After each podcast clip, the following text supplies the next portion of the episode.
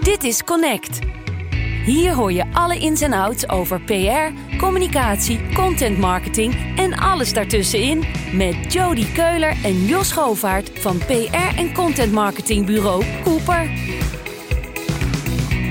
In deze 16e aflevering is bij ons de gast Martin de Munnik, Chief Communications Officer bij Neurensix. Met hem zoomen wij vandaag in op de wereld van neuromarketing. Vanuit de studio van Cooper, mijn naam is Jody Keuler en welkom bij Connect. En links van mij is weer aangeschoven de man met waarschijnlijk de grootste neocortex binnen Cooper, Jos Govaert. Uh, bedoel je daarmee dat je me slim vindt of dat je vindt dat ik een groot hoofd heb? Uh, groot hoofd valt mee, maar onderzoek hebben we niet gedaan. Dus dat, kan ik ook werkelijk, dat zou ik het wel interessant vinden. Om daar ja, eens een keer, volgens mij mijn MBTI-profiel, waar ook een hoop over te doen is, of dat nou wel of niet betrouwbaar is, Mhm. be bewijst eigenlijk dat mijn kwaliteiten elders liggen. Dus misschien uh, moet ik wat aan mijn etalage doen. Ah, dat, is, dat is misschien wel een ding, ja.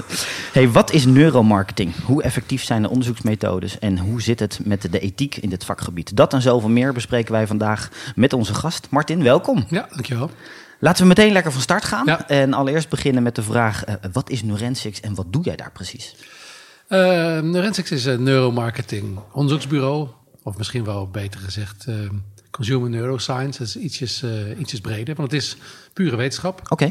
Okay. Um, neuromarketing is eigenlijk een, um, ja, een, een platitude voor consumer neuroscience. Okay. Daartussen zit nog neuroeconomics. Het is ergens uh, 15, 20 jaar geleden in Amerika aan de universiteit on, ontstaan. En dat had weer een oorzaak die teruggaat naar uh, Nobelprijswinnaar, professor ja. Kahneman, die met zijn team heeft aangetoond dat ons gedrag overwegend door onbewuste processen wordt gestuurd. Oké, okay. daar zijn uh, jullie met Neurensix dagelijks mee bezig. Ja, ja uh, als marketing is het beïnvloeden van gedrag. Ja. Dan moet je natuurlijk daar kunnen kijken waar dat gedrag tot stand komt, geactiveerd wordt. En dat is in, in ons onderbewust, in ons limbisch systeem. Wat grappig. Hey, en wat is jouw rol binnen, binnen Neurensix? Nou, ik heb een reclameachtergrond, mijn hele leven bij reclamebureaus gewerkt. En in 2010 samen met professor Lamme en professor Scholten, associate professor, zijn ja. wij uh, met z'n drieën uh, Neurensix begonnen. Dus uh, ik ben, eigenlijk zijn we met elkaar de fysieke crossover tussen marketing ja. en, en neurowetenschappen. Oké, okay, en dus zij zijn de nerds die, die, die met de wetenschap bezig Klopt. zijn en jij bent de man die naar Klopt. buiten gaat en Ja. okay, de klanten binnenhaalt ja, en mag spreken door heel het mag land. spreken. Ja. Victor die spreekt de wetenschappers toe op dit gebied. Ja. Die zijn natuurlijk ook nieuwsgierig wat gebeurt daar. Dus eigenlijk wat we hebben gedaan is iets als consumer neuroscience ja, vercommercialiseerd. Geschaald ook. Dus Victor praat vooral met de wetenschappers en ik de marketeers. En mijn rol was ook in de, in de beginnen om die wetenschappelijke inzichten en analyses te vertalen naar ja, ja, wat heeft de marketeer eraan? Ja, begrijpbare taal. Zeg Ja, precies. ja. Soms als Steven en Victor met elkaar overleggen, dan denk ik, nou, het is Nederlands. Ga naar huis. Dat weet ik zeker. ja, klopt. En, en hoe staat het ervoor nu? Wat is, wat is het begrip bij, bij de gemiddelde marketeer van dit werkveld? Langzaam maar zeker, vooral bij jongere marketeers komt dat wel op. Uh, iedereen heeft wel van Kahneman gehoord, systeem 1 en systeem 2. De me meesten hebben ook wel Cialdini gelezen. Ja. Uh, nu ja. is er ook weer Richard Thaler, een, ook een Nobelprijswinnaar, psycholoog die de Nobelprijs voor de economie wint. dus in de economie en in de business studies wordt wel duidelijk dat, dat uh, on, onderbewuste processen meegenomen moeten worden in, uh, in, in, in beslissen, commerciële beslissingen. Oké, okay, en wat voor, voor wat voor klanten werken jullie en wat, wat, wat kopen ze dan concreet bij jullie? Nou, eigenlijk hebben we. Alle klanten volgen hetzelfde ritje. Eerst maar eens even experimenteren. Wat is het? Laten we één dingetje door Neurensix onderzoeken en dat vergelijken met het traditionele onderzoek. En wat kan dat bijvoorbeeld zijn? Geef, geef eens een simpel voorbeeld. Ons brein is een evaluatiemachine. Uh, dus als je uh, drie verschillende proposities, verpakkingen, uh, logo's, alles wat ja. je aanbiedt ter evaluatie, mm -hmm. verraadt dat collectieve consumentenbrein waar de begeerte en de, of de interesse en de verwachting groter is dan bij de ene en bij de ander. Ja, dat wil je natuurlijk weten. Ja. Je wilt succes voorspellen. Hmm. En, en hoeveel kost een testje? Stel je wil gewoon even, even een puur Hollandse vraag. Want dit is volgens mij typisch een onderwerp waarbij met name die jonge marketeers, eh, dat geloof ik ook wel, die willen dat best eens proberen. Maar die, die, die moeten dan naar een baas toe of eh, Ja. naar wie dan ook. En die vragen zich af, hoe ga ik dit nou verkopen? Nou, Ja. wat voor boodschap ja, Nou, heb je aan die hè? mensen? Als, als ik lezingen geef, dan roept er altijd wel iemand... ja, maar eh, met name MRI, dat is heel erg duur. En dan zeg ik, hoe weet je dat? Ja. Ja. Dat zijn allemaal maar... Dat is natuurlijk ook Ja, allemaal... het klinkt zo duur, nou, hè? Ja, Ja. precies. Da- daarom stellen we de vraag. Het is, eh, het is vergelijkbaar met traditioneel onderzoek. Eh, Dus als je al gewend bent aan traditioneel onderzoek, eh, dan eh, één stimulus, bijvoorbeeld een, een, een, een, een, een, een commercial of, eh, of een advertentie. Dat is met traditioneel onderzoek ergens tussen de 5 en de 10.000 euro. En bij ons is dat ook. Misschien een tikkeltje meer. Alleen bij ons krijg je dan het onderbewuste er eh, zeg maar gratis bij. Ja, erbij. Ja. Ah, interessant. Hey, dit, dit, dit, dit, interview ehm ehm, volgen een aantal stellingen. Ja. Ik stel voor dat we naar de eerste stelling gaan. Graag van jouw kant een eens of een, of een oneens. Neuromarketing is de toekomst van marketing. Eh, ja, en, eh, daar kan ik heel eh, eh, makkelijk verklaren.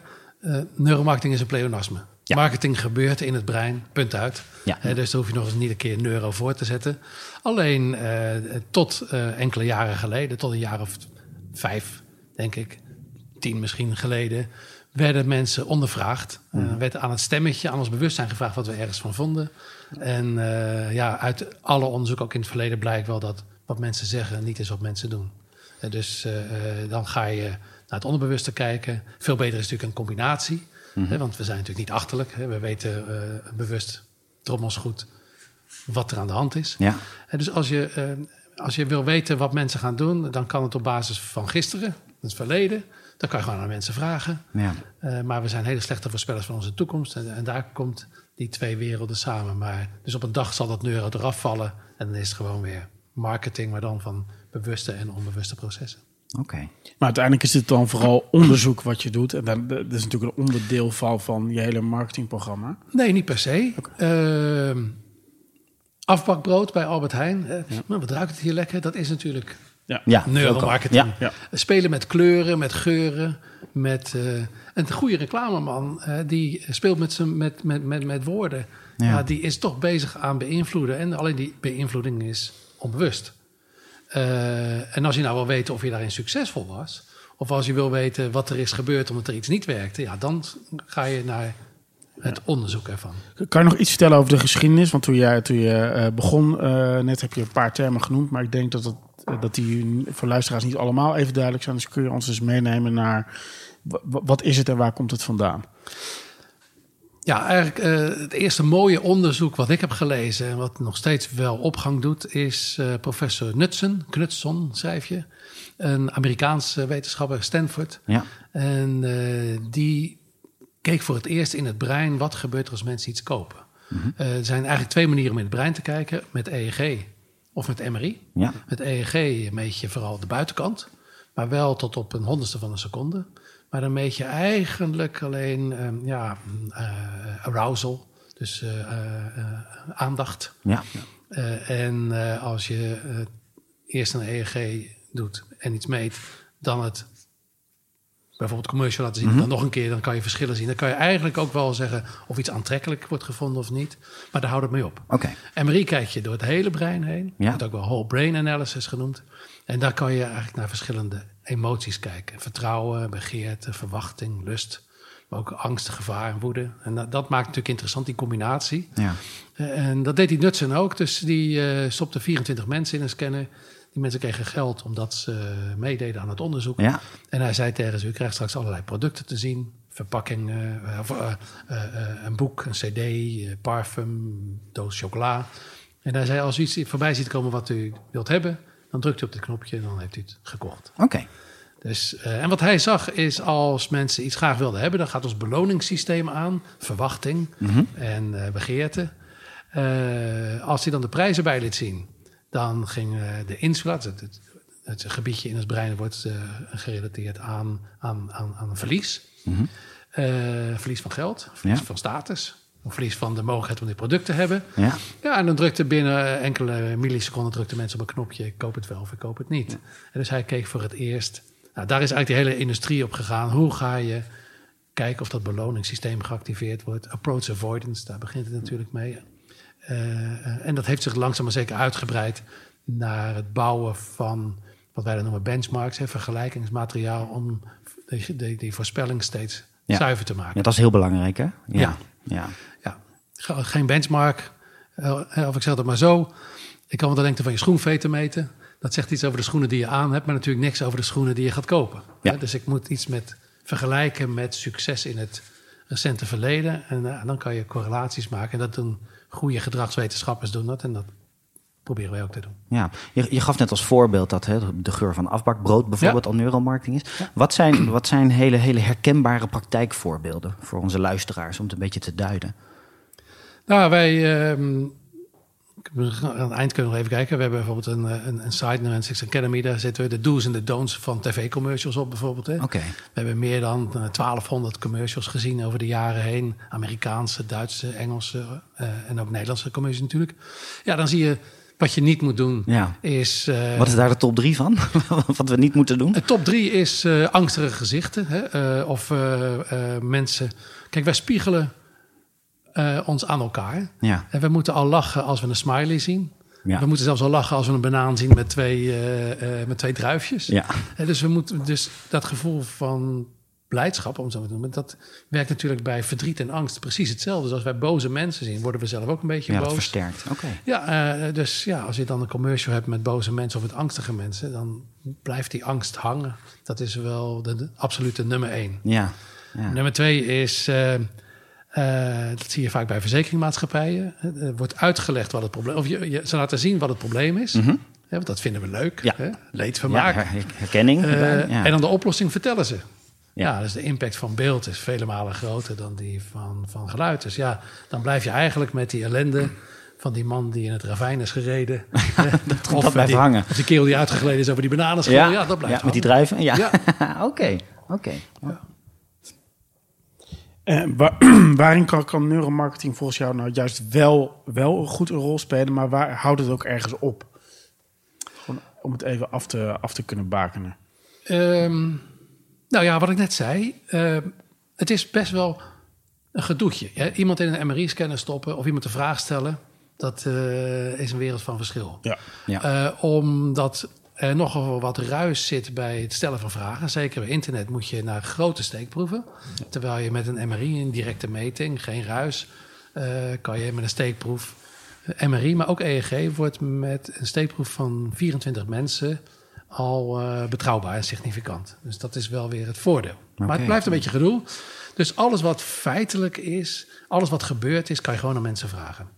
Uh, daar heeft neuromarketing niet echt veel toevoeging. Ja. Maar ja, als je mij negen jaar geleden had gevraagd: wil je een stukje glas en dan kan je met je vinger overheen swipen en de krant lezen?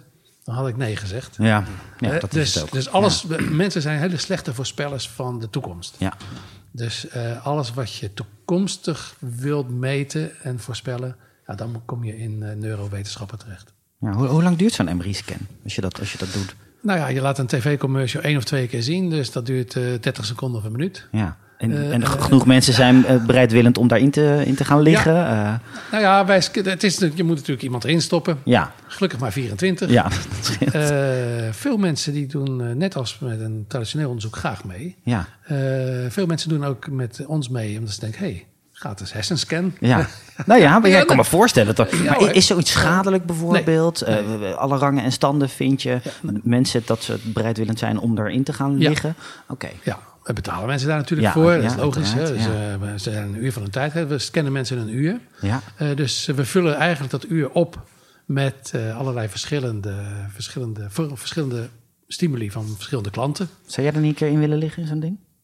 Ik zou er geen bezwaar tegen hebben om nou te zeggen dat ik daar wel eens over nagedacht nee, heb. Dat ik dat heel graag nee, wil. Ik ook nooit, maar het lijkt me ergens wel fascinerend om dat wel eens een keer nou, te doen. Maar het, het, wordt heel ja. snel medisch voor mijn gevoel. En dat is het natuurlijk in dit geval helemaal niet. Het is wetenschap, uh, ja. Uh, dus nou ja. Stel dat ik als reclame of content maak, hoe je dat ook noemt, uh, gewoon de waarschijnlijkheid wil vergroten dat mijn campagne gaat aanslaan.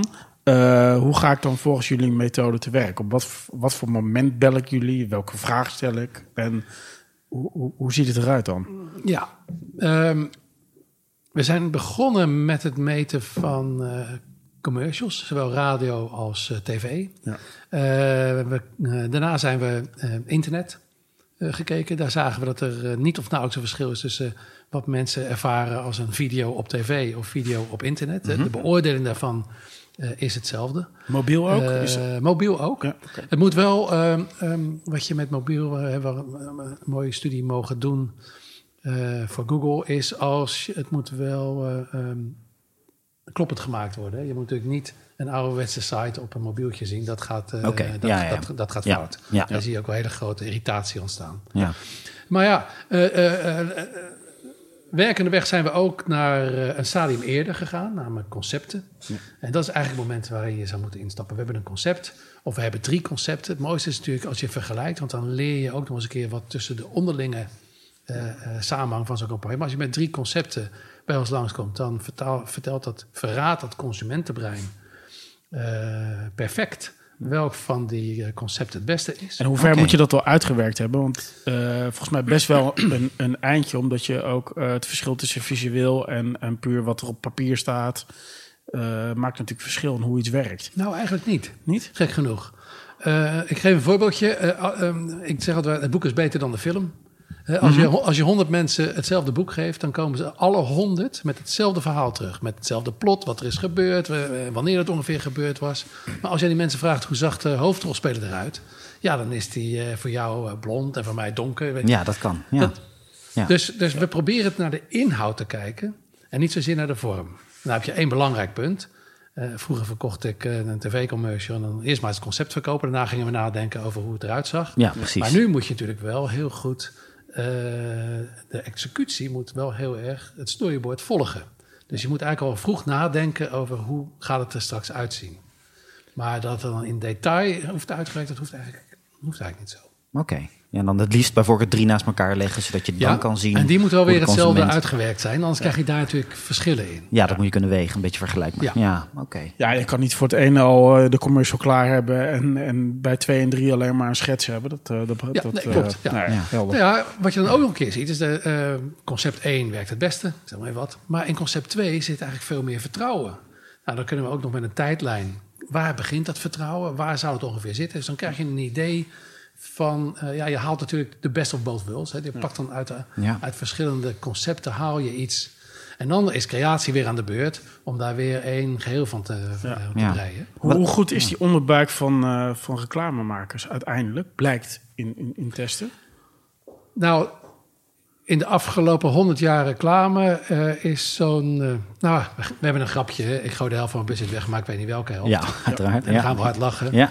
Dat is in 2011 een keer uitgerekend. Dat is meer dan 100 miljard dollar per jaar. Ja. En, eh, ja. en daar is eigenlijk door de, door de tientallen jaren heen geen verschil in gekomen. Het blijft dat.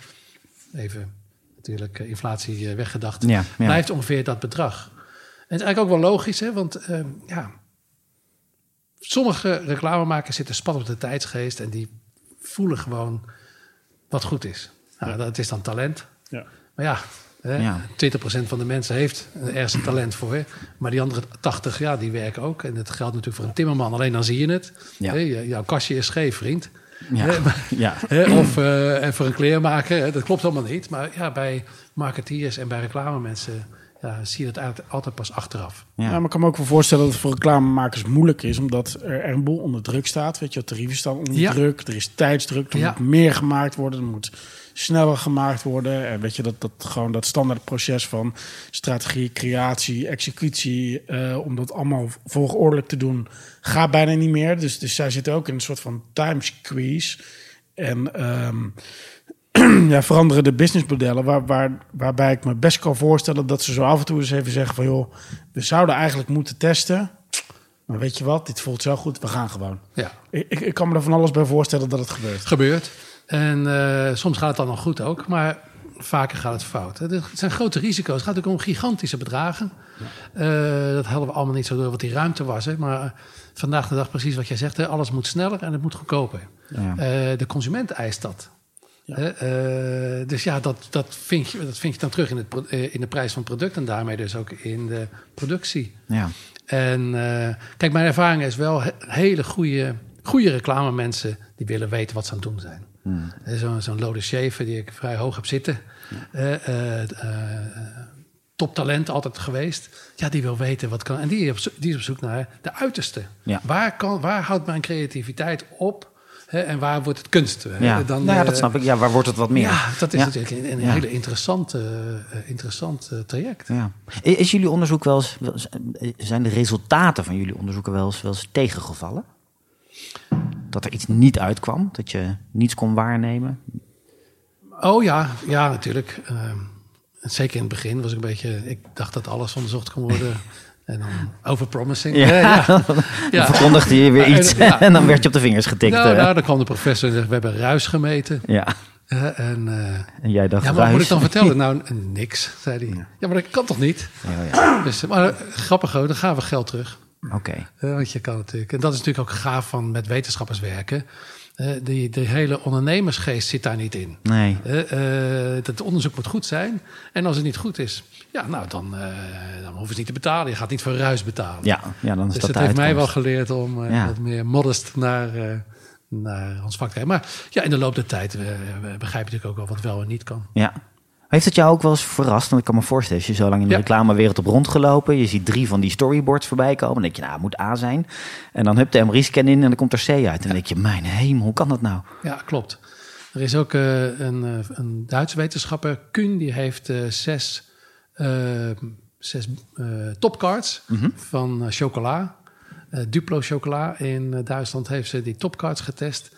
En ook nog in de praktijk gekeken of dat dan ook werkte. En zij voorspelt met MRI eh, eh, welke topcard het beste werkt. En die topcard heeft 32% meer verkopen gerealiseerd dan de slechtste. Ja, Heel interessant. En als je die topcard ziet, dan denk ik, nee, hoe kan dat nou? had ik niet van tevoren, had ik van tevoren niet gedacht. Nee, ja, zo verrassend kan het zijn toch? eh, hè? Zo nu en dan. Want is er iets wat iedereen herkent nu in het straatbeeld of in het winkelbeeld, wat door middel van deze onderzoekstechniek een andere kant op is gegaan, wat mensen gewoon niet weten? Gewoon iets heel Nou, tastbaars. Ja hoor, kijk, jaren geleden riep ik een keer eh, bij onze wetenschappers van, eh, like, eh, iedereen weet dat likability leidt tot sales. Eh, iemand vroeg dan, waar staat dat? Toen heb ik het hele internet afgebroken. Heb ik niet gevonden. Er is geen wetenschappelijk bewijs van dat likability leidt tot sales. Ja. En je ziet heel veel commercials die nog steeds gebouwd worden, hele campagnes op likability. Nou, wij denken te zien dat die likability leidt wel tot een sterker merk. En een sterker merk zou uiteindelijk tot meer sales, maar in ieder geval een hogere marge eh, eh, leiden. Maar de, eh, als je echt iets hard wil verkopen, dan gaat het niet om leuk. Dan gaat het om what's in it for me. Ja. Verwachting moet aanstaan, begeerte moet aanstaan. Er moet een oplossing geboden worden. Ja. Ja, en, en dat, en langzaam maar zeker zie je die shift naar dat soort van campagnes ook komen. Ja. Zeker op internet. Ja. Zit het ook in het straatbeeld? Buiten? Ko- Kom je daar ook tegen? Zijn er verkeersborden bijvoorbeeld getest eh, aan de hand van neuromarketing, wat beter werkt, niet werkt? Eh, Jij zei net smileys. Ik moet denken aan die wegwerkzaamheden Ja. die jaren geleden. Ja. Ineens zag je overal die smiley staan. En het gezichtje werd langzaam van zo heel sip steeds vrolijker. Ja. Eigenlijk communiceerden ze daarmee van, nou ja, de, de- de- nog eventjes De oplossing volhouden is en je bent er bijna. Heel goed voorbeeld. Eh, dat, dat is dan eigenlijk meer nudging. Ja, Eh, eh, dat is het eh werkterrein van eh, professor Talen. Ja. heel erg interessant. Dat zie je bijvoorbeeld ook tot een jaar of 15, 20 geleden was een, eh, zo'n rijkstraatweg eh, tussen twee dorpen. Ja. was een doorgetrokken streep. En dan kon je links en rechts kon je 100 km per uur rijden. Ja. En nu is het eh, links en rechts heb je fietspad.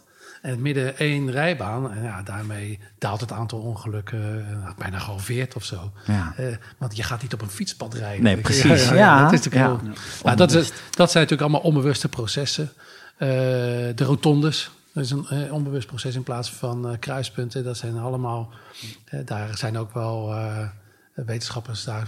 Ehm, Booking.com heeft gedragswetenschappers in dienst. De Belastingdienst heeft gedragswetenschappers in dienst. Ja. ze proberen het leuker te maken. ja. Ja, bij Booking is het natuurlijk eh, nog twee kamers beschikbaar. Op dit moment kijken er drie, eh, drie personen naar dezelfde kamer. En dan denk je, oh, paniek. Dan Nou, dat Ja. heeft ook wel een keerzijde, vind ik. Ja.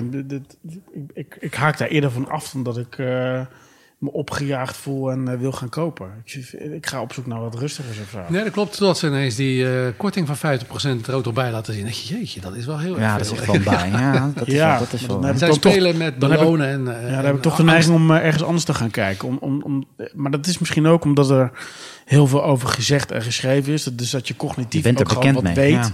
ja. Eh, dat je weet dat je beïnvloed wordt.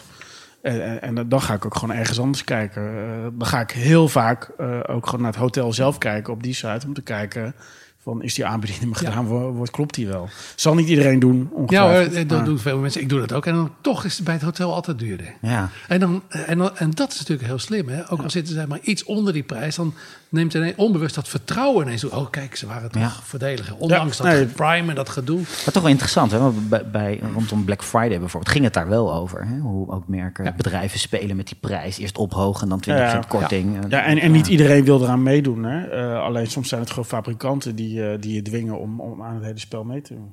Dat, is ook wat je hoort. Interessant. Hey, tijd voor de tweede stelling. Eh, graag van jouw kant, Martin. Een eens of een oneens. Hersenscans kunnen meer succes en ook sales voorspellen. Absoluut. Absoluut. Dat zeg Ja. je heel resoluut. Resoluut. Heel resoluut, Ja, absoluut. resoluut. Ja. Ehm, er zijn net al twee dingen genoemd. Je moet benchmarks hebben. Kunnen we misschien nog even wat meer bij, stilstaan. En het moet natuurlijk een statistisch eh, eh, goed uitgevoerd eh, eh, eh, onderzoek zijn. Ja. De steekproef moet groot zijn. De doelgroep moet in orde zijn. Dat wordt ook wel eens vergeten.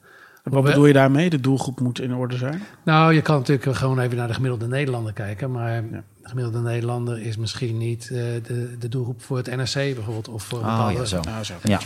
Ja. Maar, meteen maar even kanttekening bij zetten. Ik kom uit de tijd dat we de doelgroep zo gingen segmenteren dat we met z'n tweeën bleven zitten. Hè, gaven we nog een naam ook. hè, Henk en Els. En Ja. ze woonden waarschijnlijk in Almere. Ja. ja. Met anderhalve kind en punt acht hond. Nou, dat slaat nergens op. We gaan met hele, hele grote groepen door het leven. ja. Hè, dus eh, ja, je bent al snel, behoor je bij een bepaalde peer group die goed te onderzoeken is. ja. Oké. Nou, benchmarks, dat is het allerbelangrijkste. Eh, ehm, net al eventjes gezegd, hè, alles wat je meet is in beginsel relatief. Ja. Het is ook een hersenmeting, dus je moet eh, het ergens mee kunnen vergelijken. Wij vergelijken het met effectieve campagnes, meer dan 70 effectieve campagnes. Maar ook, eh, ook bijna 70 eh likable campagnes. De gouden lookies. Hè? Mhm. En in Nederland hebben we iets heel leuks. Hè? We hebben de Lode Leeuwen. Ja. Eh, eh, dus die nemen we ook mee. En dus je begrijpt wel dat zo'n onderzoek bij ons geeft heel veel vertrouwen als een dode leeuw ook echt als, een, als heel irritant in het brein scoort. En met veel Wordt angst en ervaren. gevaar. Ja, al wordt die Lode Leeuw wordt nu cult. Eh, je ziet steeds meer bedrijven die gaan ermee aan de haal als iets, als iets positiefs. Dat is ook wel grappig. Ja, dan verkantelen ze het weer. Ja, dat is ook een slimme zet. Ja. Ja. Heb je je wel- bedenkingen bij? Nee, hoor, zie nou, nou, dus, We zien je kijken. Er, er zit wel iets in natuurlijk. Hè. Eh, als ze maar over je praten, zegt Ja, Sharp. ja. Ja, Eh, en misschien is dat ook wel een beetje zo. Maar er een beetje vanaf, denk ik zou toch wel liever... De, eh, dat geldt natuurlijk ook voor likability. Als ze ons maar leuk vinden, dan komt het straks wel goed. Ja. Maar direct iemand aanzetten tot een gedragsintentie...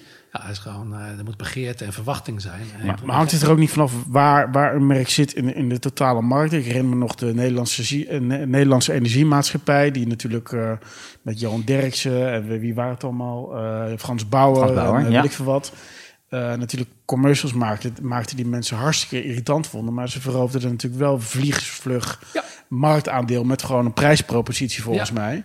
Eh, eh, maar later dachten ze ook van ja, eh, het, dit, dit, deze campagnemethodiek die houdt ergens op. Dus we moeten, daarna moeten we zorgen dat we wel sympathiek gevonden worden. Maar daarmee verdween ook wel hun, hun zichtbaarheid.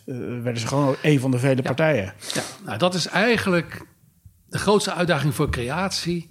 Is, kijk, creativiteit wordt eigenlijk alleen maar belangrijker als je in het brein kan kijken. Want je, wilt, eh, je moet gebruik maken van clichés, want dat eh, schakelt snel. Je moet een belofte hebben, eh, maar je wilt natuurlijk ook, je moet wel aandacht hebben. Ja, dus de moeilijkheid om Laat ik het anders zeggen, wij zien zelden een campagne die en likable en effectief is. Het is of effectief of likable. En heel af en toe gebeurt het. En als je dan naar, naar die commerce kijkt, denk je ja. Ja. Ja, nou, dan zie ik het. Ja. Nou, Dat is het Kun je daar een voorbeeldje van noemen? Nou, eh, bij Tele2 zagen bijvoorbeeld, in het begin was het alleen maar likable.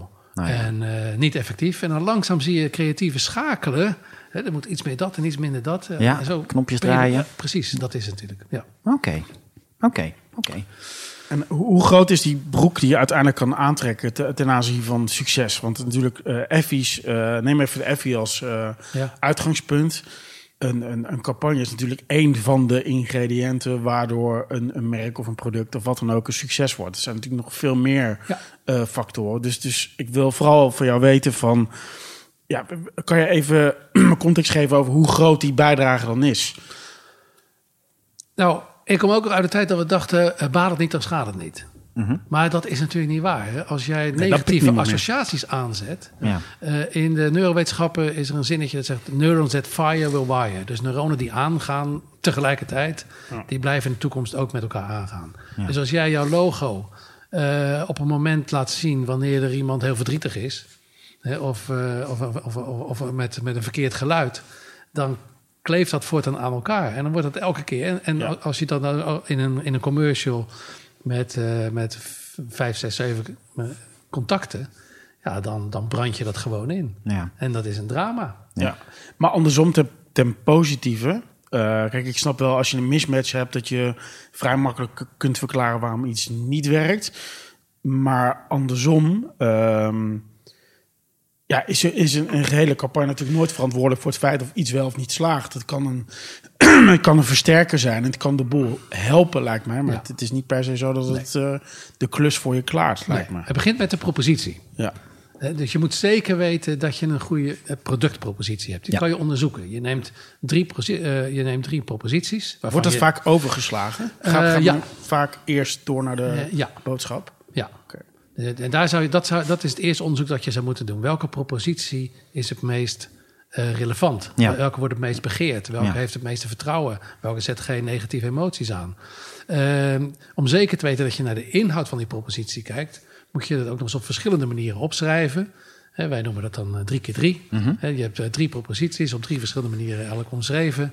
En dan weet je eigenlijk wel met die wetenschappelijke zekerheid van punt 95, dit is de beste propositie. Nou, Dan hoe, hoe schrijf je dat dan anders op? Wat moet ik me daarmee, eh, daarbij Andere voorstellen? woorden. Je wilt zeker weten dat, dat het niet gaat om een irritatie van een woordje. Of, Oké. eh? Ah, Oké, dus je, je, je formuleert het gewoon anders. Juist. En, en dan kan ik me voorstellen dat je heel veel kan, kan, kan meten. Ehm, je kan heel veel analyseren, er komt heel veel naar boven. Die, die interpretatie van die data, zit, zit daar veel ruis op de lijn? Dat mensen daar anders naar ja. kijken. Dat ze zeggen, ja leuk, het schiet uit. Maar het blijft een soort menselijke vertaling dan toch, wat je daar ziet. Ja, dat is waar. Eerst even nog, dat laat jouw vraag nog afmaken. Van, eh, eh, Zo'n zo, zo'n Duplo-onderzoek van Kuhn laat zien dat er een verschil zit van eh 32% plus in verkopen. Het is gewoon letterlijk de verkoop, dat is een hoop geld. Eh, wij hebben die studie nog eens overgedaan eh, met Yogi Tea. Ook eh, eh, verschillen exact ge- gekopieerd. En wij komen ook ergens tot nou, over de 20% eh, verschil tussen de ene eh, eh, topcard en de andere. Dus het is puur enkel en alleen toe te wijzen aan het beeld wat je laat zien. Ja. Ja. Maar, maar k- kan je dan zeggen dat eh, in dit geval het gewoon het verschil is tussen het ene beeld wat je oproept en het andere beeld dat je oproept? Maar dat het niet per se zo is dat als je een juist beeld oproept, dat je dan ook meer succes zult hebben, zult hebben omdat daar nog veel meer factoren van invloed Ja, zijn. dus de propositie op dat beeld moet in ieder geval goed zijn. Daar hadden we het net Ja. over. Dan, Ja. het, eh, dan de executie van het beeld moet goed zijn. Ja, en dan begint natuurlijk... Kijk, eh, als eh, de, de, de, de eigenaar van de supermarkt het achterin eh, de, de winkel zet... Ja. dan houdt dat natuurlijk Ja, op. te laag hè. op het schap. Ja, natuurlijk. Ja, Dus, en, maar zelfs die dingen, als je nou zo nodig wilt... zou je dat wel kunnen onderzoeken. We hebben ook wel eens gekeken naar posities in het schap. Wat betekent dat? En dat doet je dan... Dat, dat is weer interessant om het EEG te doen, omdat het draagbaar is. Mhm. Eh, met een eye tracker. Dan zie je waar mensen naar kijken. En die studies zijn er ook wel. Ja. Dus, eh, ja, je moet het gelaagd eigenlijk op elkaar gaan leggen. Ja. Eigenlijk die hele route volgen. Ja. Even terug naar mijn vraag Ja. net over die, over die interpretatie van, Ja. van, van de resultaten. Ehm, zit men daar al op één lijn wereldwijd? Mm, nee. Eh, nou ja, het is ook moeilijk. Bijvoorbeeld met EEG, eh, dan kan je engagement. Ja. Wij denken dat je dat niet per se engagement mag noemen. Maar daar zijn wel verschillende eh, definities van in, in marketing. Maar eh, Want hoe zouden jullie het dan noemen? nou, wij zeggen engagement is betrokkenheid, maar wij meten ook de waarde erbij, de value. Mhm. Kijk, je kan betrokken zijn bij iets positiefs, maar je kan ook betrokken zijn bij iets heel negatiefs. Ja.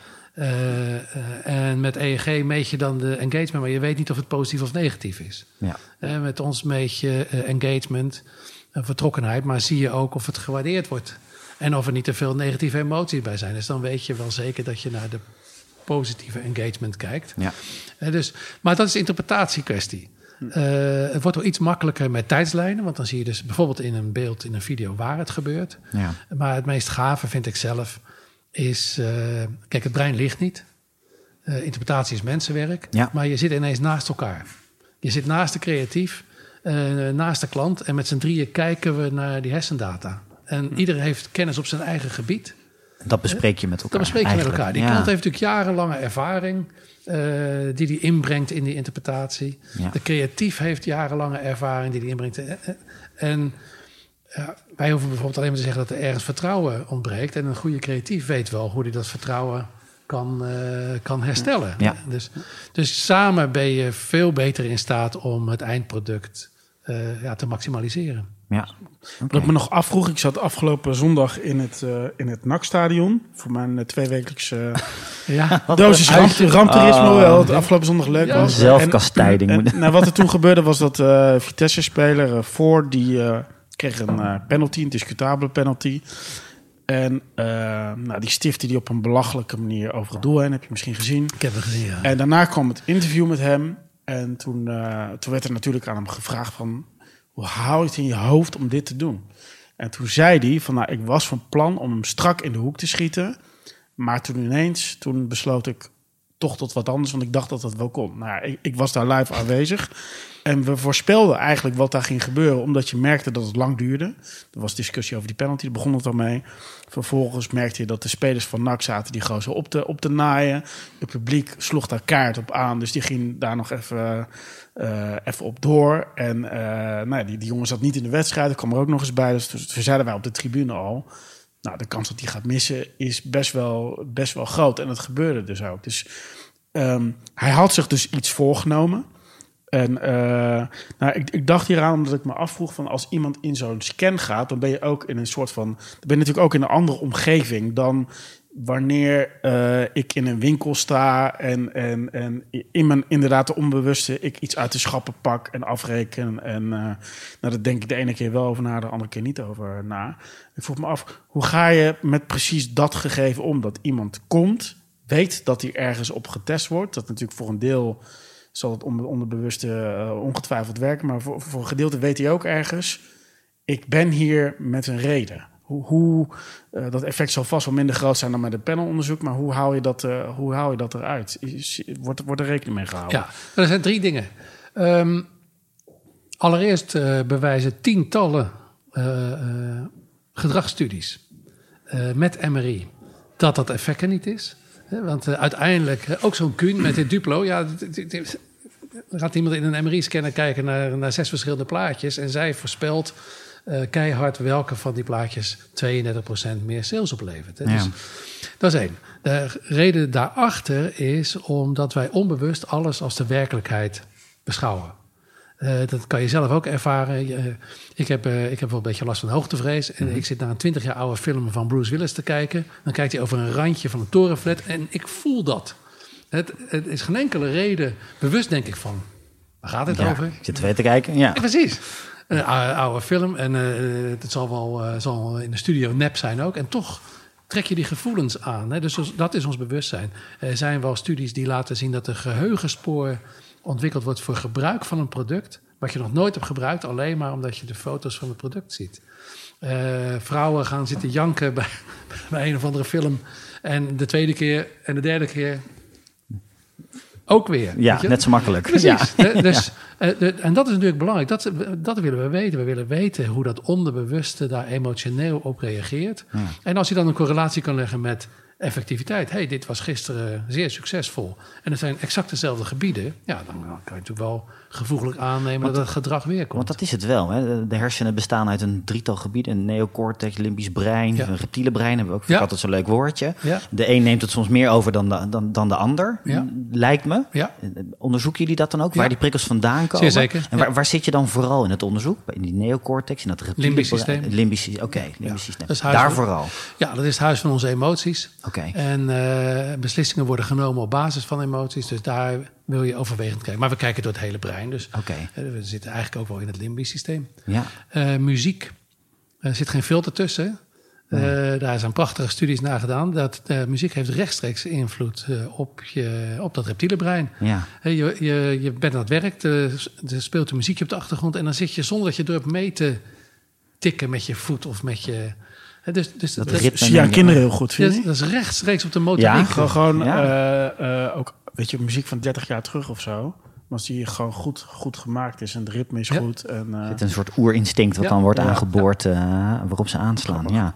En dan wordt er veel gezegd en geschreven over neuromarketing. Wat, wat vind jij de, de, de grootste misvatting?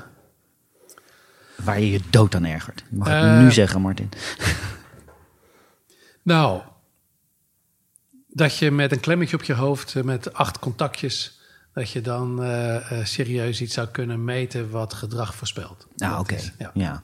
Dus dan heb je het vooral over de methodiek die ook wordt toegepast, Ja. blijkbaar in, in- in Ja. Nederland of wereldwijd. Nou ja, er zijn bedrijven die verkopen die apparatuur. Eh, en dat is natuurlijk een goed recht. En, en, en een klant die we- we- wellicht mm, geen toegang heeft tot, tot hardcore science... Ja. of zelfs wetenschappers in dienst... ja, die kopen dan zo'n setje en die proberen daar hun... Ja, die, die nemen dus beslissingen op basis van ruis. Ja. Eh, en ehm, ja, dat zet de hele neuromarketingwereld een beetje in een, eh, in een wat eh, schemerig daglicht. Ja. En, dat, en dat moet eraf. Het is, Kijk, ehm, als er iemand, als er een of andere miljardair roept, we gaan naar Mars. Dan roepen we allemaal, nou, dan gaan we wetenschappers eh, inhuren, want anders komen we daar niet. Ja. Hè, maar als iemand zegt, we gaan een nieuw merk bouwen, dan kunnen we dat wel eventjes op een, regenachtige ochtend Ja. met z'n tweeën. weet je? Ja, ja. Nee, natuurlijk. Dus alles wordt wetenschap. En eh, ook marketing wordt wetenschap. Ja, daar sta Dus je moet je, ook, voor. ja, dus moet je ook wetenschappers eh, daarvoor inhuren als je dat goed wil doen. Ja. Jij schreef vorige week een, eh, een, ehm, een blog op Marketing Facts over de blokkencase. Met Sarah Jessica eh, Parker, waar ik denk destijds iedereen zijn wenkbrauwen over ophaalde. Van Ja. wat gebeurt hier nou in godsnaam? Eh, nou, dat blog heeft nog wel wat stof toen op, zouden we kunnen zeggen. Ging wel los. Ja. Eh, niet alles was even positief daarin. Wat, wat vind je daarvan, van die discussie? Nou, zoals, zoals alles heeft, heeft zo'n discussie voor- en tegenstanders. Er zitten een aantal mensen bij die goed heeft begrepen waar het hier over gaat. Eh, eh, wij hebben iets gemeten. En die meting is, eh, eh, net al gezegd, het brein ligt niet, dus die meting klopt. En wanneer heb je dat gemeten? Want dat is misschien ook wel even belangrijk voor de... Op, op de dag dat die commercial voor het eerst vertoond werd eh, op Adformatie, Mhm. we hebben hem ingepland in onze volgende, dus dat is misschien eh, een week of drie later geweest, hooguit. Ja. Nou, eh, toen hebben we ook gezien van, hé, hey, dat gaat niet goed. Dat hadden we natuurlijk allemaal wel kunnen voorspellen. Hè? Ja. Want hè, daar hoef je geen, hè, daar heb ik ook in het blog gezet. Je hoeft geen gedragswetenschapper te zijn om te begrijpen dat dat niet goed is voor blokken. Ja. Eh, wij konden niet alleen laten zien dat het niet goed is, want dat kan je aan iedereen vragen. Mhm. Maar wij konden laten zien waarom is het dan niet goed. Welke emoties staan niet aan, welke emoties staan wel aan. En nog veel belangrijker, we- welke scènes zijn daarvoor verantwoordelijk. Nou, dit, voor ons is dat een vorm van nieuw business. Hè. Wij gaan daarmee, we bellen blokker op en zeggen van... joh, wij weten iets wat jij niet weet. Ja. Mogen we langskomen? Ja. Nou, er was geen behoefte aan. Prima. Ja. Hè? Dat moeten Ja. ze zelf weten. Maar wat ik net al zei, hè, voor ons is het belangrijk om commercials te vergelijken die succesvol zijn met onze benchmark. Voor ons is het ook belangrijk om commercials te meten die niet succesvol zijn. Nou, als er dan iemand eerlijk en open durft te zeggen voor nationale televisie, deze mevrouw heeft ons meer, eh, deze commercial, zei hij letterlijk, heeft ons klanten gekost. Dat- Dat zijn letterlijk zijn woorden. Nou ja, dan zie je dus in die discussie die er nu plaatsvindt, dat er mensen zijn die zelfs daaraan twijfelen. Nou ja, eh, dus je kan al twijfelen aan eh, hersenwetenschappers. Je Ja. kan al twijfelen aan wat de eh, president-commissaris van het bedrijf zegt. Ja, eigenlijk twijfel je dan gewoon aan jezelf. Ja, wat ik me daar, daarbij wel kan, kan voorstellen, is dat er natuurlijk veel meer redenen zijn. Eh, dat, weet je, dat je het probleem van Blokker dan, dan ineens wel heel simpel maakt. En zo simpel was dat natuurlijk niet. Blokker heeft natuurlijk wel veel meer problemen Zeker. dan alleen een, eh, een, een, een slechte commercial. En wat ik, een beetje van afstand gevolgd. En ik dacht van, ja, eigenlijk hebben heel veel mensen in deze discussie gelijk. Alleen je hebt het gewoon niet allemaal over hetzelfde. Maar, eh, ik heb het in mijn blog maar over maar één ding. Ik heb het niet over het falen en het De failliet ondergang Blok, van- nee, precies. ik heb het over die ene commercial Ja. die voorspelt dat dit een onverstandige eh, eh, campagne is. En niet een. En niet, eh, ik heb het niet over dat onze campagne voorspelt dat blokken ten onder gaat. Nee. Nee, oké. Nou, v- volgens mij is dat de helderheid die er misschien wel even, even bij hoort. Want het leek soms dat de afdronk van mensen anders was. Nou, een van de mensen die natuurlijk eh, eh, fanatiek meedeed aan de discussies, wel, eh, vooral op Twitter volgens mij, dat was eh, Ronald Foren. Natuurlijk eh, ook een be- bekend, eh, bekend wetenschapper en oud-marketingman van Heineken. Ja. Hier te gast. Eh, hier te Ja. gast ook binnenkort. En wat ik wel interessant vond, toen ik een beetje naar afstand zat te kijken. Volgens mij riep jij erg op tot kom langs, kom kijken. Nou, nee, sterker nog, hij is in 2014 schreef hij een column waarin eh, neuromarketing werd weggezet als, eh, als eh, niet betrouwbaar. Ehm, toen heb ik hem uitgenodigd. Ja. Toen is hij ook geweest. Oké. Hij heeft denk ik anderhalf, misschien wel langer uur met professor Lamme gesproken. Ze waren het over een aantal zaken heel erg eens. Ze waren het over- een aantal zaken niet eens. Eh, Ronald Forum wil graag dat wij eh, onze methodiek publiceren. ja. Eh, dat moet dan gepeer-reviewed worden. Dat duurt ongeveer. Dan gaan andere wetenschappers kijken of wat wij doen, of dat valide is. Ja. Eh, dat is een proces dat duurt ongeveer twee jaar. Eh, maar wat je dan doet, is je hele methodiek opengeven. Wij Ja. hebben ongeveer 400 hersenscans uren. Dus dat is de equivalent voor ongeveer 400.000 euro Ja. besteed aan het ontwikkelen van, van solide benchmarks. Ja, jullie Nou, dat- intellectueel Ja, eigendom natuurlijk, lijkt dat ga je niet Ja. op straat leggen. Maar Ja. dus hij heeft er zeer zeker een punt. Ja. Als hij zegt van, we weten niet wat Neurensex meet of dat klopt. Ja, Eh, want dat kunnen we niet controleren. ja. Eh, dat geldt trouwens voor elke vorm van onderzoek. Eh, Ja. laten we wel wezen. Eén ding weet ik zeker, als je iets aan mensen vraagt. Ga je morgen een iPad kopen? Negen jaar geleden. Dat, dat gebeurt niet. Dus het is raar dat hij dat alleen bij eh, de ene vorm van onderzoek... en niet bij de andere vorm van onderzoek Nou, eh, ik, ik, stelt. ken, ik ken hem op zich wel als iemand die, die eh, ten opzichte van alles wat hij leest, is die, is die vanuit zijn eigen bril weliswaar, is, is die kritisch en stelt die vragen. Volgens Mag. mij is dat niet per se gericht op alleen. eh, Maar dat heb ik dus ook gezegd. Kijk, hij, heeft ook, eh, hij was ook kritisch naar ons toe. Hij heeft ook kritische vragen gesteld aan de professor. De professor heeft die beantwoord. Hij heeft een heel pakketje aan documentatie meegekregen... waarop al onze mappers, heet dat dan, Ja. eh, gebaseerd is. En als het nog steeds voor hem onduidelijk is... dan is hij van harte welkom om nog een keer te praten. Maar het- ik weet niet wat het is. Nee. Nou, het kan, maar het gebeurt toch op meerdere terreinen dat wetenschappers het oneens zijn over bepaalde materie. Zo ingewikkeld is het er ook niet. Nee, dat is waar. Toch? Kijk, eh, wetenschappers gebruiken liever elkaar standaardborstel... dan Ja. eh, elkaar stelling. Hè? Ja, Eh, en het enige bewijs... dat is een leuke. Ja. Het, het enige bewijs wat er is, dat is betere campagnes. En onze klanten scoren beter in hun, in hun competitie dan de concurrenten. Ja, ja. Het laatste daarover, want volgens mij was je daar net ook heel stellig in. Je kunt op basis van een MRI-scan dus echt een advies formuleren dat leidt tot 20% omzetgroei. Vind je nog steeds? Ja. Ja, helder. ja, ik zit aan de voorzichtige kant. Ja, heel goed, heel goed. Ja. Ja, en is dat een ergernis hè, richting strategen? Dat lazen we ook wel een beetje in de, in de online artikelen. Dat je Nee, voelt, nou, kijk, ik heb net al gezegd, eh, eh, eh, er schreef ook iemand van... ja, als je naar de Munnik luistert, dan doet creatie er niet meer toe. Ja. Dat is niet waar. ja, juist de creatie, wordt ja. steeds belangrijker. Ja, Sterker nog, als, neuro, als consumer neuroscience van het hele speelveld van marketing van een voetbalveld een servetje maakt, ja, dan wordt creatie het enige onderscheid wat er nog is. ja, En eh, dat wordt dan ook weer eens een keer, en daar begonnen we dit gesprek mee, weer eens fatsoenlijk betaald. Want er Ja. wordt veel te weinig betaald voor goede creatie. ja, Maar alles is te duur voor slechte creatie. ja. Is ook zo. Tijd voor de derde stelling, de laatste. Een eens of een oneens, Martin, van jouw kant. Neuromarketeers moeten snel met een ethische code komen. Ehm, even denken. Nee. Een oneens. Vertel, waarom Ehm, ik ben ehm, in 2012 eh, heb ik de NMSBA opgericht, Neuromarketing Science and Business Association, samen met Carla Nagel, Eh, omdat er eigenlijk niks was Ja, dat, die onze eh, beroepsgroep vertegenwoordigde. Inmiddels heeft dat, eh, eh, ik geloof, 12, 1300 leden over de hele wereld. Ehm, en drie dingen wilde ik: een ethische code, een, eh, een eh, code of conduct. Zo voer je dit soort van onderzoek uit. en nog een accreditatie. Ja. Nou, die accreditatie gaat natuurlijk nooit lukken, want we vechten elkaar net als elke andere branche. Ja, de tent, dus dat lukt niet. Geen- Ja. Maar het allereerste hebben we wel gehad de ethische code. Dus Ja. er staat eh, bedrijven die eh, zijn aangesloten bij de NMSBA, die eh, eh, houden zich aan die ethische code. Ja. Eh, daar zitten een paar belangrijke dingen in. De data is anoniem. Wij kijken, zeker met MRI, kijk je in het meest private wat een mens heeft. Ja. Ja, omdat je ook maar zo weinig respondenten hebt. Dan Ja. weet je nog beter wie het zijn. Exact. Ja. Nou, dat weten wij niet. Nee, maar Eh, nadat iemand zich heeft aangemeld, wordt het een nummertje.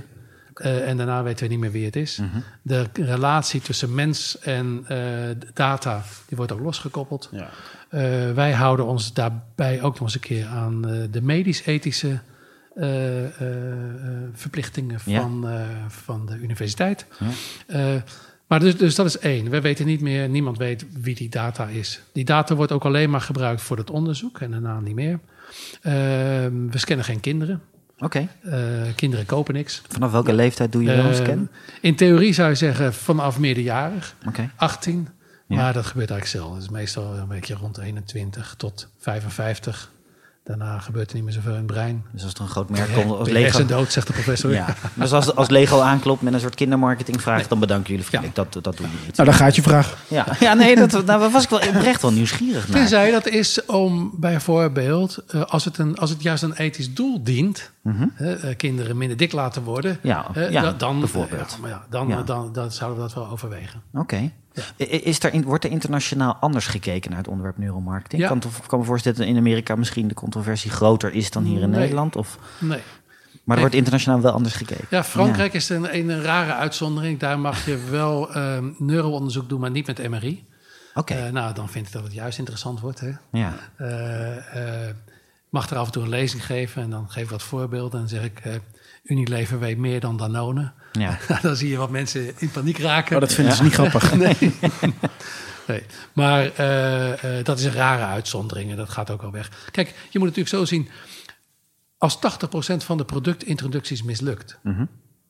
en daar zijn honderden miljarden mee gemoeid... stel je eens voor dat je dat naar 40% kan brengen. Ja. Door beter te begrijpen wat mensen willen. Da- eh, wat betekent dat voor de footprint van zo'n bedrijf? Dat neemt Ja. dramatisch af. De winstgevendheid verveelvoudigt. Ja. Eh, eh, ja, dat kan in de zakken van de aandeelhouders verdwijnen. Maar laten we hopen dat het gestopt wordt in meer R&D, betere producten, goedkopere. Maar dit is ook precies wat mensen wel weer eh, kan beangstigen ergens. Als we zo die hersenen kunnen trainen, als we zo precies weten hoe mensen aangaan, waar die koopknop zit. Ehm, vandaar die ethiek natuurlijk ook wel rondom het vak. Is dit een levendige discussie of zeg je, joh, nou ja, eigenlijk... nee, af en toe. Maar kijk, weet je, ehm, een aantal jaar geleden kwam de Consumentenbond bij ons langs. Toen dacht ik, nou, nu gaat het gebeuren. Hè. Die halen de kettingzaag eh, uit de tas. Maar die vonden dat een geweld. Die begrijpen dat als je beter weet wat mensen doet, Mhm. dat je product beter wordt en je prijs eh, eh, beter. Ehm, je kan natuurlijk wel iemand verleiden om rommel te kopen. Ja, maar dat kan dus ook. Ja, meer maar- suiker, ja, nog dikker. Maar dat wist Ja. ook Gilvy al, dat kan je maar één keer. Oké, ja. Maar het is natuurlijk wel zo dat wie de meeste resources heeft, kan, natuurlijk, kan natuurlijk ook het meeste onderzoeken. Ja. Dus die kan effectiefst aan de gang gaan. Ja. Eh, dus dus dan zou je, als je even cynisch bent, zou je ook kunnen zeggen: degene met de grootste zakken kan Ja. het beste beïnvloeden. Klopt. En ik snap best wel gewoon in, in, in deze tijd dat, ja, dat je toch ook wel een keerzijde ziet van de macht van grote, grote eh, partijen. Dat Ja. dat ook wel een onderwerp is wat wel eens op de agenda zou kunnen komen. Ja, dat heeft, dat heeft niks met neuromarketing te Nee, maken. nee, zelfs niet meer. Maar kijk, we leven in een tijd dat de winner takes all. ja. Eh, en het heeft te maken met eh, eh, de openheid van zaken. En het heeft te maken dat iedereen overal alles kan kopen, waar dan ook. Maar, maar zeg jij dat dat, dat moet, moet de mededinging dan maar oplossen? Ja. Want die is daarvoor? Ja. ja. Nou. helder. Oké. Zijn er nu momenteel ehm, binnen neuromarketing ehm, ontwikkelingen die je op de voet volgt? Is er iets nieuws gaande binnen jullie vakgebied? Eh, ja, nou hoofdzakelijk in ons eigen directe vakgebied met, eh, met, met MRI Mhm. en een beetje EEG zie je de ontwikkeling van software. Oké. Eh, dus dat betekent dat het allemaal goedkoper en sneller kan. Ja. En dat willen klanten. Uiteindelijk wil, kijk, uiteindelijk wil iedereen wel zijn campagnes en zijn producten en zijn verpakkingen met eh, MRI onderzoeken. Ja. Natuurlijk. Ja. Alleen uh, prijs of tijd kan een belemmering zijn. Dus dat gaat rap naar beneden. Dat maakt het interessant. Ja, wij zelf hebben meer dan 60, nou misschien nog wel meer, 65.000 hersenscans gemaakt. Alleen maar op behavioral change. Mhm. Dus dat uh, levert AI op. Ja. Dat wordt natuurlijk een spannende toekomst. En de combinatie, en dan praat je en dan kom je weer met andere mensen, kom je in het veld van de econometrie en zo. Ja. De combinatie tussen big data en brain data. En daar ga je natuurlijk nog ontwikkelingen zien, waarbij je uiteindelijk, en daar gaat het om, het steeds beter kunnen voorspellen van, van wat je aan het doen bent. Ja. Ja. Zie jij um, een, een, nu een toename vanuit jullie klanten op het gebied van audio bijvoorbeeld? Dat ze dat meer, ik bedoel, voice wordt ja. steeds belangrijker. Ja. Straks praten we allemaal tegen zo'n praatpaaltje thuis. Ik kan me voorstellen dat bedrijven nu stoeien met hoe klinken wij. kan je natuurlijk ook fantastisch onderzoeken. Ja, ja ik heb een vriend die uh, heeft uh, twee uh, pubers en die zaten het huiswerk te doen in Londen. En ik was daar en dat, dat, meisje vraagt aan Alexa wat de hoofdstad van, van Italië is. Nou, Mhm. Alexa meldt dat keurig niks dat dat Rome is. Waarop zij Alexa bedankt. Oké. Okay, ja. dus, uh, dus ik zeg, god, uh, we, gaan een, we gaan een AI zitten bedanken. Ja. Uh, ja, dat zijn nu natuurlijk nog hele simpele opdrachten, maar dat zal natuurlijk. je, je, we hebben hier Google Home staan. En dan merk je al het verschil tussen als je hem Engels instelt en Nederlands instelt, dat hij, Nederland, dat hij in het Engels al een stuk intelligenter ja. is. En hoe rap dat gaat. En ja. het is nog steeds heel primitief allemaal. echt met actions, hele simpele opdrachten. Maar ik kan me wel voorstellen dat straks het ontzettend uitmaakt voor merken hoe ze klinken. De, klank, de klank van een stem Klank alleen stem, al. ja. De woordkeus, de, de ja, het muziekje. En, uh, ja, ja, en of je in... Uh, uh, misschien moet je het ook wel uh, lokaal anders gaan oplossen. Als jij in Brabant woont, uh, wil je misschien uh, Mag je niet naar Fries luisteren. Ja. Of, uh, nou, daar, daar, heb jij een belangrijk punt. Hè. peer grouping is... Als je je doelgroep in peer groups gaat bekijken... ben je veel succesvoller dan dat je dat op sociodemografisch kenmerken zou doen. Uh, en daar hoort natuurlijk bij, ja, wij, wij vertrouwen, een Rotterdammer vertrouwt een Rotterdammer. Ja, ja, ja zo dat is simpel. Ja. Dus ja, daar kan je op inspelen. Uh, in zijn algemeenheid natuurlijk. Uh, op de rol staat bij ons een studie naar verschillende stemmen, om te kijken wat het meest wordt, wordt vertrouwd. Ja. ik denk dat dat een van de belangrijkste dingen is. Dat geldt ook voor mij, maar dat geldt voor muziek misschien nog wel meer. onze stelling is, elk bedrijf moet een eigen muziekje hebben. Ja. Je moet een soundlogo willen Ja. hebben. Ja, je moet daarin willen investeren en dat, om dat uit te zoeken. hè, want dan moet je natuurlijk allemaal verschillende muziekjes. Ja, dan ben je misschien wel 30, 40.000 euro verder. Maar dat Nou ja. levert zich door de jaren heen. de, het, deuntje van no Eenvoudig terug. het deuntje van Nokia. Ik hoorde de laatste telefoon afgaan. Ik denk, hé, hey, Nokia bestaat nog. Ja, dat is herkenning. Ja, Of dat iemand is heeft dat uh, ergens Eh, anders op geïnstalleerd. Maar Eh, toet, dat toetstielemannetje van, eh, van de Unox. Weet je? Ja. als dat aangaat op tv, dan, dan, Dat krijg, gevoel. dan krijg je heel trek. Ja, dat is, dat is wel zo. Dat, daar, daar moet je in willen investeren, iedereen. Mooi. Dus voor dat soort vraagstukken kunnen we ook bij jou, eh, bij jullie terecht in ieder geval. hey, en hoe, hoe zie je de toekomst van het vakgebied? Ja, een neuromarketing is een pleonasme. Mhm. Hadden we net gezegd, hè? Ja. Eh, neuro vindt plaats, eh, eh, marketing vindt plaats in het brein. Dus dat, eh, dat eh, wat wij denken is dat het woordje neuro valt eraf. Eh, wij praten ook liever al zelf liever over behavioral change. Ja. Eh, eh, en dan, dan, ja, dan zie je dat marketing... Marketing wordt een beta-vak. Ja. Het wordt nu nog wel weggezet als... of, of nee, neergezet moet ik zeggen. Als creativiteit. Misschien wel vanaf het begin het idee. Ja. Maar uiteindelijk worden, worden marketeers datacrushes. Big data en brain data. De combinatie daarin, leren van wat er gebeurd is, AB testen. Je kan AB testen, ik had pas met mensen bij Kruidvat erover. Je kan AB testen in je winkel. Je maakt de ene helft van je winkels, uh, uh, doe je klassieke muziek en de andere moderne muziek. En je kijkt wat, wat er met de kasaanslag gebeurt. Ja. Weet je. En, en, maar spelen. Ja, mogelijkheden zijn eindeloos hè? Ja, ja. en dat is wat uh, de marketeer wordt, ja, een super tester. En voor de huidige marketeer is dat misschien minder leuk. Maar voor de nieuwe generatie die, die juist... Je moet het ook zien, en, en zo zie ik het zelf ook, als een spelletje. AB-test is een heel leuk spelletje. Ja. En dan kijken of je beter kan worden. Up, op naar de next level. En de next level is, is uiteindelijk keihard winst. Ja, mooi. Mooie tijden in het vooruitzicht, uh, Ja. in ieder geval, voor, het, voor het vakgebied. Hey, um, uh, laatste vraag. Uh, als mensen met jou willen connecten, uh, waar kunnen ze dan het beste terecht? Uh, maar uh, op LinkedIn Martin de Munnik en op Twitter Martin de Munnik. Helder. Ja. Martin, namens ons beiden, dankjewel voor je Heel erg graag gedaan. Dit was aflevering 16 van Connect. Wil je meer informatie? Bezoek dan www.cooper.nl slash connect voor alle show notes, cases en tips. Mocht je een review willen achterlaten, dat waarderen wij natuurlijk zeer, dan kan het op iTunes. In onze volgende aflevering gaan wij in gesprek met de voorzitter van de VA, Marion Koopman. En tenslotte bedanken we onze mediapartner Adformatie en jou natuurlijk ook weer voor het luisteren. Tot een volgende Connect.